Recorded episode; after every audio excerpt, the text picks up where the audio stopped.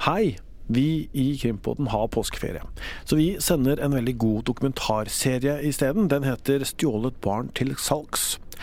Dette er andre episode, og den tredje episoden som du kanskje bare må få med deg, den finner du på Podme-appen. Bare søk etter 'Stjålet barn til salgs'. Og så er det sånn at uh, Podme koster penger, men så får du da altså tilgang til veldig mange gode podkaster som vi lager kun for Podme. Men det går an å teste i to uker gratis. Dette er andre episode av Stjålet barn til salgs. En podkast fra VG. Du hører på podkastserien Stjålet barn til salgs. Episode to av tre Mankayos barn. Simon forsøkte, som du kanskje husker fra sist episode, å løse mysteriet rundt sin egen adopsjon. La oss oppsummere litt før vi går videre. Etter å ha levd hele livet sitt uten å tenke så mye på hva som skjedde da han ble adoptert, så har Simon, som 25-åring, funnet ut at kvinnen som sto oppført som hans biologiske mor i alle papirer, hun var ikke den hun hadde utgitt seg for å være. Og at en advokat fra Ecuador ved navn Moncayo hadde blitt anklaget for å organisere en rekke kidnappinger av barn og ulovlige adopsjoner. Men hjemme i Norge følte Simon at ingen kunne hjelpe ham i hans søken etter svar.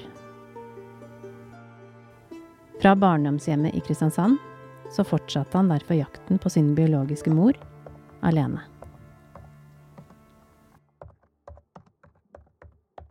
Altså, jeg søker på alle navn jeg kan søke på. Jeg søker på alle navn jeg finner i alle dokumenter. Jeg prøver, og jeg sender mailer, og jeg sender, skriver til Facebook-grupper grupper og på personlige meldinger, men de forsøkene, det, altså, det nytter ikke.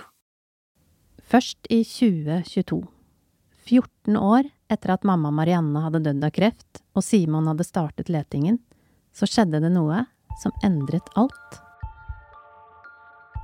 En sommerdag Simon var på telefonen med pappa Geir, så fortalte faren noe helt nytt.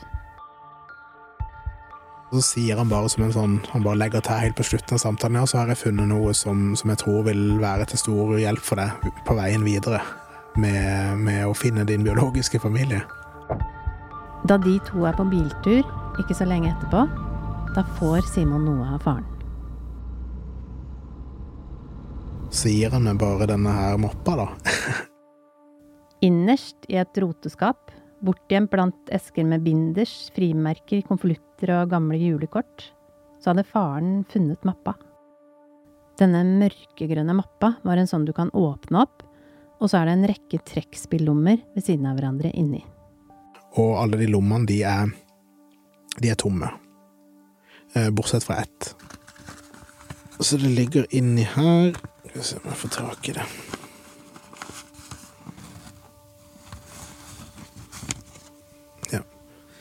Det er en tynn strimle, laget av tape, ser det ut som.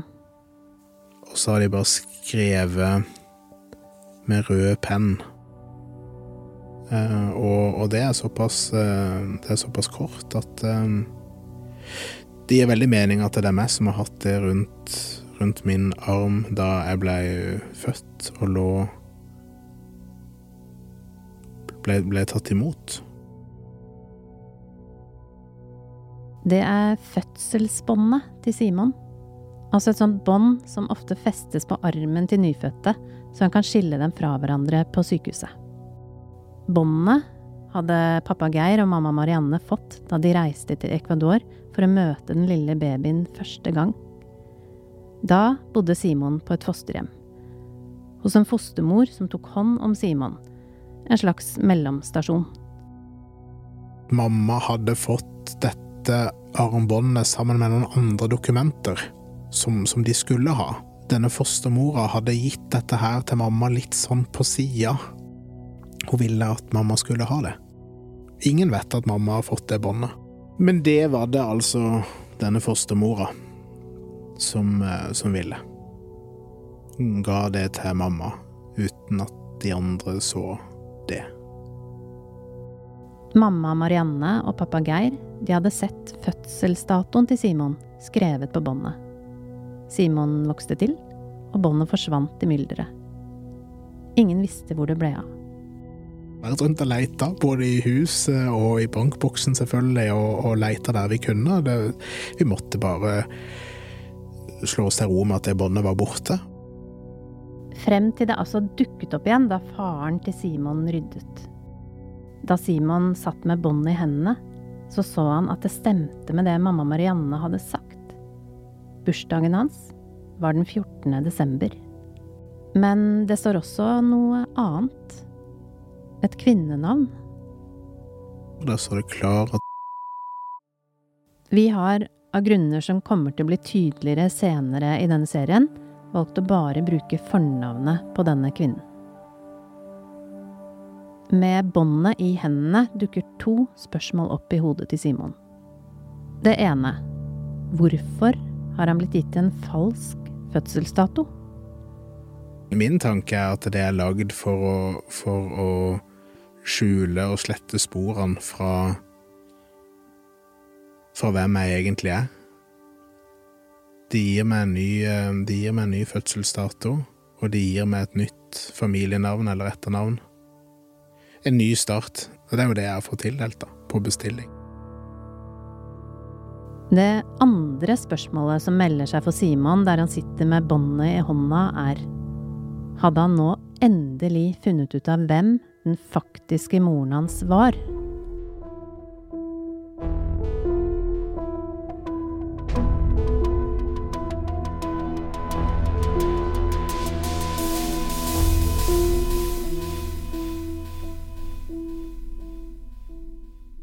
Det er nå i denne fortellingen at det er på tide at du får møte det andre barnet.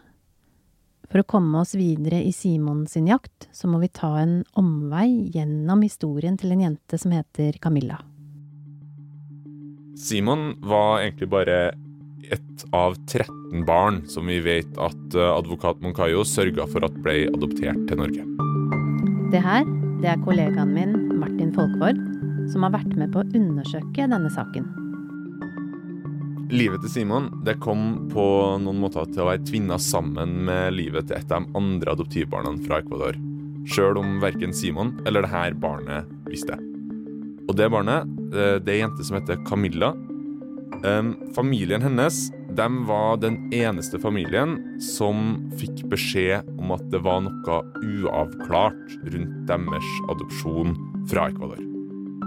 Og Camilla hun kom til Norge i 1988 Eh, ifølge papirene så var hun da to og et halvt år gammel. Men i virkeligheten så skulle det vise seg at hun var ett år eldre enn det. Eh, og da hun kom til Norge, så kom hun etter hvert til å slite med noen mareritt. Jeg husker også det som skjedde med meg, da.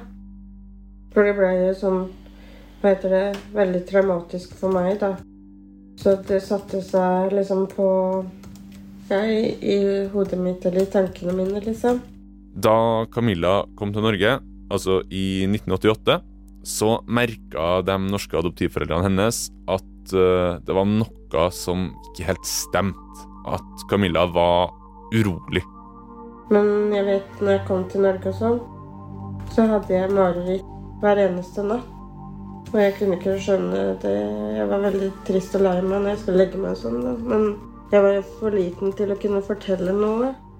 Men det var jo når jeg ble eldre at jeg kunne begynne å fortelle at jeg hadde mareritt om en jente eller noe sånt som ble kidnappa eller bortført. Når eh, Camilla våkner opp, så forteller hun foreldrene Kjell og Liss om at uh, hun har drømt om at det er hender som holder hun fast. Jeg kunne snakke om de drømmene mine når jeg fortalte det til mm. mamma og pappa her. Da tok jo de kontakt med Adopsjonsforum igjen, da. Mens vi har jobbet med denne saken her, så har vi fått tak i tusenvis av sider med dokumenter i Camilla sin sak. Og veldig mange av dem er hemmeligstemplet av ulike departementer og offentlig godkjente organisasjoner, og skulle ikke bli kjent. Og ut ifra disse dokumentene så danner det seg et bilde. Et bilde av hva som skjedde med den lille jenta som kom til Norge fra Ecuador på slutten av 80-tallet. Historien om hva som skjedde med jenta som skulle få navnet Camilla, den begynner en helt vanlig dag i Ecuador i 1988. Bestemoren til Camilla passet henne da kidnappingen skjedde. Eh, Det er jo ikke helt enkelt å slå fast nøyaktig hvordan hendelsesforløpet var eh, en dag for mer enn 30 år siden. Men sånn som historien har blitt fortalt av mora til Camilla, altså den biologiske mora til Camilla i Ecuador, så var det sånn at bestemora passa på Camilla en marsdag i 1988. Og da kom det ei 15 år gamle slektning bort til dem i huset de var. Den slektningen skal ha fortalt bestemora at det var noen griser som hadde rømt fra innhegninga si. Og de grisene de var veldig viktige for familien, så bestemora måtte få tak i dem. Så hun la på sprang for å prøve å finne dem igjen. Og da hun kom tilbake, så var Camilla og den 15 år gamle slektningen borte. Det eneste som skal ha ligget igjen etter eh, tre år gamle Camilla, det var ei lita barnesko. Alle begynte å lete, hele nabolaget. Mammaen til Camilla hun reiste til kirken, knelte ned foran alterringen med skoen i hånden og ba om å få ungen sin tilbake i live. Men datteren skulle ikke komme tilbake. Det mørke, lange håret til Camilla ble klippet kort. Hun havnet i et fosterhjem i åtte måneder. Så ble hun også revet ut av det livet hun hadde fått i fosterhjemmet, og ble adoptert til Norge. Når du har blitt kidnappa fra din egen mamma, og så du kjent med noen nye, så må du ta farvel. Det var ganske tøft. Med nye identitetspapirer og ny fødselsdato så merket ingen i Norge at det var noe galt med adopsjonen. I papirene sto ikke navnet på den biologiske mammaen, men navnet på en annen kvinne. Etter det her krisemøtet i 1989, eh, der altså de norske familiene som hadde adoptert fra Ecuador, var til stede, så var det bare Camilla sin eh, norske familie som fikk høre at det var noe som ikke var helt avklart med adopsjonen deres. Advokaten Moncayo ble anklaget for å ha organisert barnekidnappingene på 80-tallet. Men hvem var det som tok Camilla denne dagen? Hvem sine hender var det som holdt henne fast i marerittene hun kom til å ha igjen og igjen etter at hun kom til Norge? Og dersom norske myndigheter visste at noe ikke stemte med adopsjonen, hvorfor ble Camilla da likevel værende her i landet? Det kompliserte svaret på disse to spørsmålene skal vi forsøke å nærme oss senere i denne podkastserien.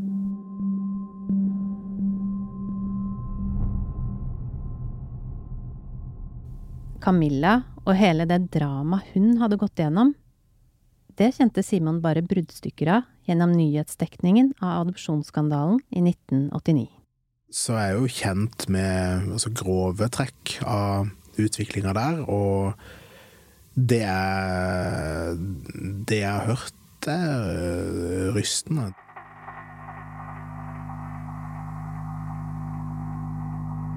Der 34 år gamle Simon satt i 2022, med fødselsmann i hendene hvor navnet på hans biologiske mor sto, så visste han at også han var et av advokat Moncayos stjålne barn. Simon hadde altså funnet et navn på fødselsbåndet. Klara, etterfulgt av to etternavn. Simon forsøkte å finne frem til denne kvinnen, og ved hjelp av en kompis så fant de frem til en Facebook-profil de hadde troa på. Det var noe med munnen på bildet på profilen, så Simon. Så, så går de veldig ned, sånn at det, disse munnvikene, eller hva det heter, de, de går ned. Så vi, eh, vi har samme, samme ansiktsform. Hun ser litt ut som meg, da.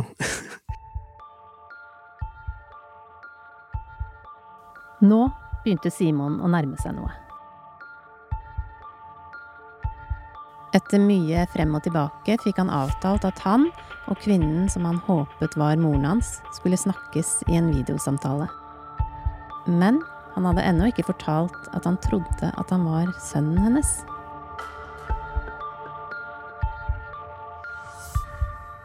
Nok en gang gikk Simon engstelig rundt og ventet på å få snakke med hun som kunne være moren hans. Mammaen han hadde lengtet etter helt siden mamma Marianne døde for 14 år siden. En rar følelse, veksling mellom både varm og kald, og jeg tror jeg begynte å kaldsvette litt, og gikk rundt i stua der og lurte på hva det var som var i ferd med å skje. Simon, han kan ikke spansk, så han hadde fikset en tolk som var klar til å være med i videosamtalen. Så gjør jeg et forsøk på å koble sammen, og det lykkes. Så da er både meg og tolken og Klara i samme samtale. Og da sier hun vær så god, nå kan dere begynne. Da er det bare helt stille. Og jeg vet ikke hva jeg skal hvordan det Klara sa ingenting, jeg sa ingenting. Da sier jeg bare at jeg, jeg heter Simon, og er adoptert.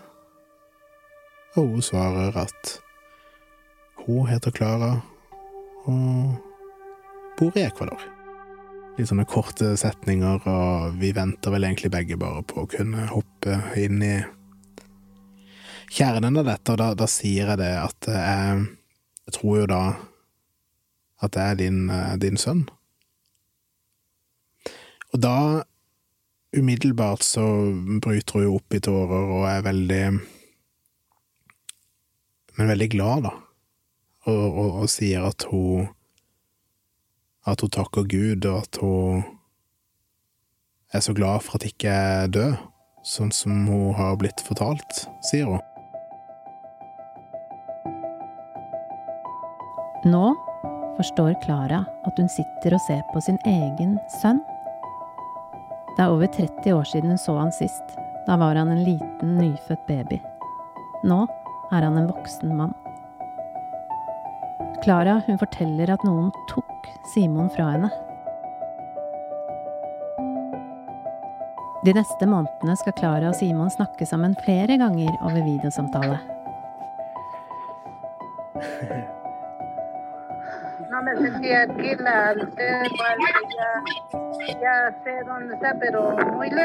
Dette er et opptak Simon har gjort av den andre samtalen mellom de to. Hun vi hører her, det er tolken.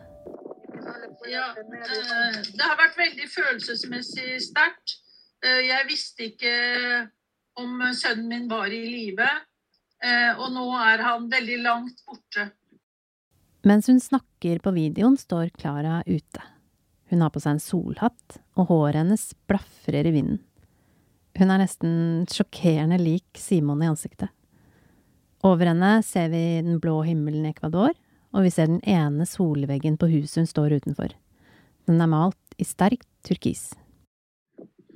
Kunne du ha sagt noe, Klara, om, om, om hvordan Altså hva, hva som skjedde eh, tilbake igjen i, i 1987? Sí, de lo, de lo que les dije que, o sea, como dice esa señora y todo eso, y me quitaron todo eso, y y me dijeron que cuando yo preguntaba me decían que está muerto, que ya él ya murió, que Det mamma Klara fortalte, var at hun og moren en dag de vandret fra hus til hus for å spørre om noen trengte å få vasket klær. Da kom de i kontakt med en kvinne. Vi har valgt å kalle denne kvinnen Anita. Det var Anita som overtalte Klara til å gi fra seg babyen sin, gutten som kom til å bli kalt Simon. Klara beskriver i dag at hun ble presset til å gjøre det. Anita sa at barnet kunne leve hos en mangemillionær, og hun la igjen en sum penger til Klara da hun tok barnet. Men kort tid etter at Klara hadde gitt fra seg barnet, så angret hun seg, fortalte hun Simon. Hun ville ha sønnen sin tilbake, men da sa Anita at det var for sent, for babyen var død. Han lever ikke lenger. Um, og det er Det er den sorgen som min uh, mor Klara da har gått og kjent på og båret med seg i alle disse år, at barnet ble tatt fra henne, uh, og så på en eller annen måte dødd. Sí, å ikke traducir. Eh, ja, det var den, denne kvinnen som uh, sa dette til meg, og de tok fra meg. Eh, og jeg fikk beskjed om at, uh, barnet, at uh, han var død, at han døde. Og jeg har hele tiden hatt dette i hjertet mitt og vært veldig trist.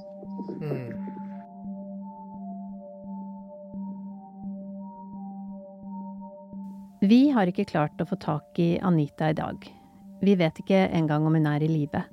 Men det vi vet, det er at hun senere kom til å bli dømt til tre år i fengsel for barnekidnapping. I disse samtalene mellom Simon og Klara, over sprakete og skurrete linjer, en sønn som savner en mor, en mor som sier hun trodde hun hadde mistet en sønn, så prøver de to å få tak i hverandre. Men det går ikke helt for Simon. Det, det, er mye, det er så mye kjærlighet, og det er så mange følelser. Eh, Det var en så spesiell opplevelse å, å plutselig skjønne og, og, og høre med ord at dette er din, dette er din biologiske mor. Det, var, det var veldig sterkt, men, men jeg, ikke, jeg begynner ikke å grine. Jeg begynner blir ikke det, Akkurat da så sitter jeg og observerer nærmest. Så sitter det et menneske her og, og, og, og er veldig lei seg, og det er veldig mange følelser, og Følte litt på en liten skam, nesten, for at jeg ikke klarte å bli like emosjonell sjøl. Nei, det, det, det, blei nok det ble bare for mye å, å ta inn over seg. Jeg tror en mor har jo kjærlighet til sine barn, og det var lett for henne. Uh, hun har jo født meg, liksom. Og så kommer jeg, da, og for meg så er dette en fremmed person. Og så tenkte jeg, men det er jo din mor. Jo ikke, du, må jo, du, må jo, du må jo være der for henne, du må jo gjøre noe, du må jo, du må jo si noe. Simon ville reise til Ecuador for å møte Klara ansikt til ansikt, og vi i VG vi trengte hans hjelp for å få flere svar. Derfor tilbød vi Simon å bli med oss til Ecuador. Men samtidig med at Simon har hatt kontakt med sin biologiske familie i Ecuador, så har jeg og mine kollegaer her i VG, Martin Folkvår og Nora Torp Bjørnstad, også forsøkt å forstå hva som egentlig skjedde på slutten av 80-tallet, med adoptivbarna og med advokaten Moncayo. Og vi har klart å få tak i flere permer med dokumenter. De papirene strekker seg egentlig fra ja, 88 til godt inn på 2000-tallet. Dokumentene viser at norske myndigheter visste mer om barnebortføringene enn det som ble kjent gjennom media den gangen. Men de viser også noe annet. Noe det var viktig at Simon fikk greie på før han skulle reise for å møte sin biologiske mor.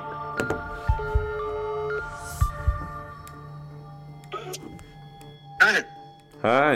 Du, eh, nå skal du høre. Nå har det skjedd noe, um, noe litt rart her. Ja. Samme dag som vi skal bestille flybilletter til Ecuador, så finner vi noe som nesten ikke er til å tro.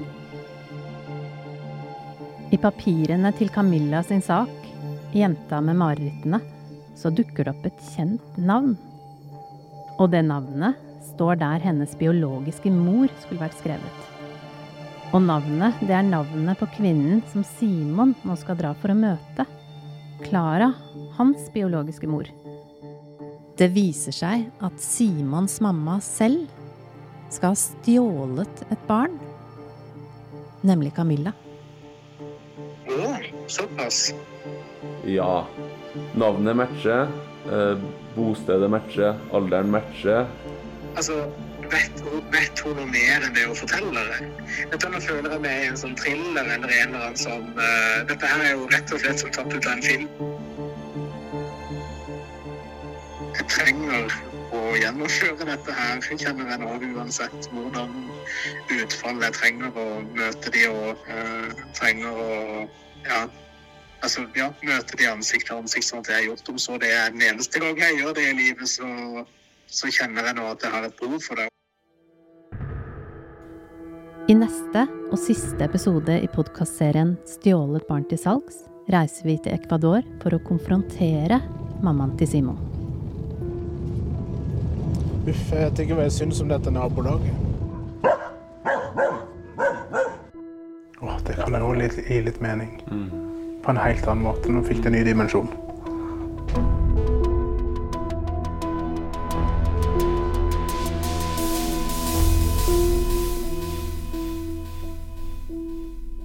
Barne- og familieminister Kjersti Toppe sier at de nå skal gjennomgå adopsjonene fra Ecuador, slik at adopterte skal slippe tvil i sine saker. Denne podkasten er laget av meg, Monica Flatabø, Martin Folkvord, Nora Torp Bjørnstad, Askild Matre Aasarød og Christian Torkelsen. Fotografer er Espen Rasmussen og Jørgen Bråstad. Coverdesign av Simen Grytøyr. Reportasjeledere er Synnøve Aasebø og Emilie Hall Torp. Musikk er laget av Ronny Furevik, Epidemic Sounds og Upright Music. Og da har du vel kanskje lyst til å høre hvordan denne historien slutter? Tredje og siste episode heter Sannheten om mamma. Og det er noe utrolig som skjer når vi blir med Simon til Ecuador i den episoden. Den finner du i Podme-appen. Bare søk etter 'Stjålet barn til salgs'. Og Podme koster penger, men de to første ukene kan du teste gratis. God påske. Dette er en trussel! Marius forteller at han har en hemmelig jobb i etterretningstjenesten. Men i årevis har han lurt kjærestene sine og kommet unna med det. Oi, shit.